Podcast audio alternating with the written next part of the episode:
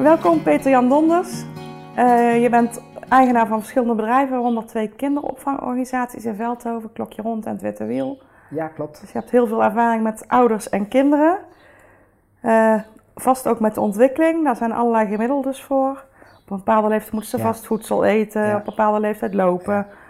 Uh, op die leeftijd moeten ze weer zelfstandig naar school. Maar werkt dat nou ook echt zo? Uh, ja en nee. Kijk, het, lastige is, waar, ik ben zelf, e-, mijn eerste uh, reactie op, op uh, meten en schema's en, en voortgang ehm, bekijken bij kinderen is op het moment dat je dat meet, krijg je de norm aan. En op het moment dat dan een ouder ziet dat een kind niet al op de norm zit, dan wordt men zenuwachtig. Want we zitten toch in het Westen in een cultuur waarbij we graag willen presteren en goed willen zijn en, en willen niet achterlopen. Uh, en soms zeg ik wel eens, kun je beter gewoon niet meten en niet bijhouden, want dan hoef je ook niet druk te maken of je voor of achter loopt. Um, als, ik, als ik nu kijk, dan zijn er wel een paar uh, punten van je zegt het is handig om dat in de gaten te houden. Uh, maar ik vind dat op dit moment in Nederland best wel doorgeslagen is. Dat er te veel zit op, op dat tijdstip. men pakt namelijk het meetmoment, en ik noem het altijd een beetje onderbiedig, de productiedatum van het kind, ja. plus x maanden moet je dat kunnen of moet je dat niet meer doen? Um, en die vind ik een beetje kort op de bocht, dat de productiedatum bepaalt in die maanden. Want er, er zit zoveel verschil in, in, in wat een, een kindje al meemaakt en in welke omgeving het opgroeit en doet. En dan is het nog eens, de, wat ik al gezegd heb, is de eerste in het gezin. Die krijgt hele andere, uh, wordt heel anders benaderd dan nummer drie of vier zelfs.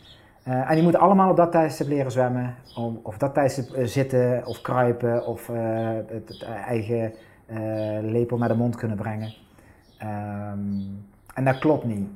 De tegenhanger is wel, hè, de, excessen, zoals op Facebook wel eens gezegd wordt, Einstein praatte niet totdat hij vijf was en noem maar op. Dat vind ik wel een hele grote tegenhanger. Maar nou op, op dag en tijdstip zeggen dat een kind dan al moet praten en dan rechtop moet zitten vind ik een gevaarlijke.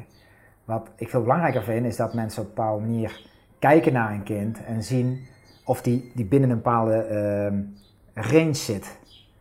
Uh, en, en ik zou meer praten over maanden. Mm Omdat je zegt, uh, als een kindje 12 maanden is, dan moet het dit kunnen. En 13 maanden dit. En er zijn er wel systemen die dat wat ruimer pakken. Ehm, maar ik merk gewoon dat eh, ouders heel snel geneigd zijn om, als het dan net zeg maar een maand vertraagt, dat ze zich druk gaan maken. En dan wordt er alleen maar gefocust op dat ene kunstje, wat dat kind moet kunnen op 16 maanden. Uh, en ik vind het gewoon te kort uit de bocht. En uh, ik denk dat het meer een proces is, wat zeg maar uh, leidsters in de kinderopvang of leerkrachten op school of trainers bij sportverenigingen, maar ook volwassenen, zelf moeten kijken van is het gedrag wat een kind vertoont, past dat ongeveer in? Of zie ik echt afwijkende dingen? En, en herhalen die afwijkend gedrag of dingen zich? Of is het een keer een, een, een uh, woedeaanval die toevallig een keer plaatsvindt en niet zes keer per dag? En uh, uh, als je daar een patroon in ziet, dan zou je kunnen zeggen: Goh, hier kunnen we wat extra bijsturen. Of daar heeft het kind wat extra begeleiding in nodig of iets anders. Um, eigenlijk wel een klein beetje zoals men doet met een studie op school. Als je zegt: oh, de rekening gaat niet helemaal goed, een extra lesje erbij. -hmm. Uh, in die trant zou het beter zijn dan dat je echt zegt dat die dag moet het kindje dat kunnen en, uh, en dat weten. Dan is het ook niet zo dat ze een eigen, ze allemaal eigen dingetjes uitkiezen waar ze zich eerst op ontwikkelen. Een kind dat snel leert lopen, leert misschien wat minder snel praten. Of, ja, ook wel eens gezegd. Weet je wat ik zo lastig vind? Er zijn zoveel wetenschappelijke studies over gedaan. En de een zegt dit en dan vijf jaar later uh, zegt een andere tegenovergestelde. Want die heeft een andere doelgroep gepakt en die heeft andere meedingen. Um, als ik kijk in alles wat ik meemaak met opleiden van mensen, eh, van, van jong en oud, is dat het erg afhankelijk is hoe groot de noodzaak is dat uh, de persoon het moet leren. Oftewel, heb je een harde leerschool, dan moet je snel. En als je het niet leert, dan is het uh, overleven of sterven. Of is het een hele, ja, het zou fijn zijn als je ook netjes met bestek eet of iets anders. Wat veel minder nut heeft of bijdraagt aan het overleven. En je ziet zeg maar ook in het dierenrijk maar bij hele jonge kinderen is, zijn die processen veel meer primair en veel meer gebaseerd op uh, slapen, eten. En, uh, en, en het, het, het, lijfje gaat groeien. En later komt pas uh, dat de zinnen goed, de woordkeuzes, de um, didactiek, motoriek, precies wat je zegt, daar heb je ook nog gebieden in, dat als je op een boerderij woont, zullen er ook al eerder dingen gestimuleerd worden, mhm. dan dat je op een flat woont tien hoog.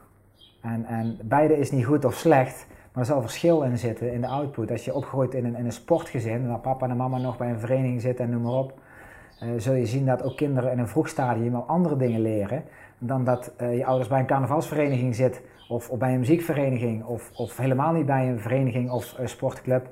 Ehm, maar altijd met eigen gezinnetje naar de camping uh, uh, op een half uurtje rijden eh, gaan. Heb ik gezinnen huisdieren. Zul je ook zien als er huisdieren zijn, dat er andere dingen eerder ontwikkeld worden. Ehm, dan we praten over één sport of dat de nadruk ligt thuis op veel meer techniek of computers. Er zit echt heel veel verschil in. Veel meer dan dat we bewust denken. Ja, we hadden het net al even over meten. Hè? Ja. Vind je nu dat we dat helemaal niet moeten doen, eh, meten bij kinderen. Ja, ik bedoel niet letterlijk het meten in centimeters natuurlijk. Nee, nee, nee. Eh, nee, dat hangt, heel, dat hangt heel erg af. Kijk, als je kind in de topselectie zit van, van een hockeyteam of, mhm. of in het tennis, ja, dan zullen er, of voor mij part wielrennen, dan zullen er dingen gemeten moeten worden. En als ze dan die score niet halen, dan gaan ze niet de selectie in of door. Uh, als het gaat om een bepaald tijdstip een rekentoets moeten afleggen, wat het systeem is waar we in zitten, ja, dan dan zitten we in dat systeem. Of het helemaal goed is. Uh, helemaal zeggen we meten niks meer en we zien wel. Dan weet ik ook dat de mens een vrij lui wezen is. En een beetje achterover gaat hangen en achteraf zegt... Had je mij niet een klein beetje meer een schop onder mijn kont kunnen geven?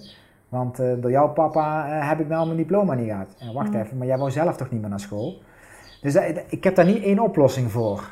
Of het aan het meten zitten, of het motiveren is, of... Um, uh, ik denk dat sommige dingen heel goed zijn om, om te meten en in de gaten te houden. Weet je wat een dokter ook goed doet, hè? de bloeddruk. Ja. Uh, als je aan een bepaalde periode bloeddruk of je gewicht of andere cholesterol in de gaten houdt, dan weet je wat je gezondheid is. En dan kun je er iets aan doen. Als het niet bijdraagt, metingen, en het is meer om data bij te houden en een globaal iets te hebben, dan zou ik uh, het minder doen.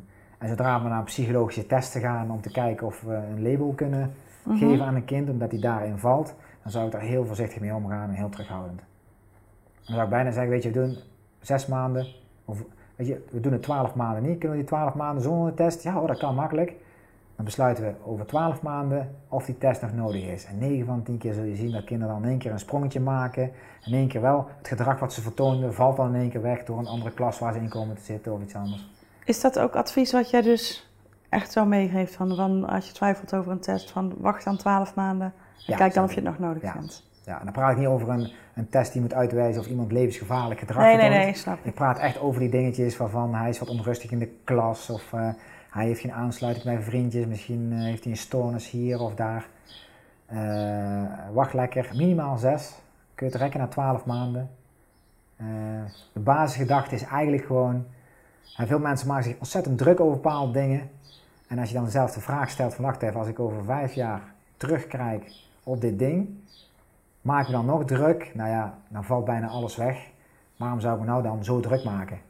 En vaak zie je dat echt gedrag wat je nu denkt, oeh, spannend, dat dat twaalf maanden, er zit zo'n snelle ontwikkeling van kinderen. Die kunnen zo snel als ze andere vriendjes hebben of een omgeving uh, aanpassen en veranderen, uh, inhalen wat ze misschien achterlopen. En uh, dan geef je jezelf ook een klein beetje tijd om in de emotie mee te gaan van de hulpinstanties die allemaal vinden dat. En, uh, maar nogmaals, een uitslag, als je eenmaal gehoord hebt dat de test dit zegt, dan ga je vaak je kind zo ook zien en dan kan je bijna niet meer terug.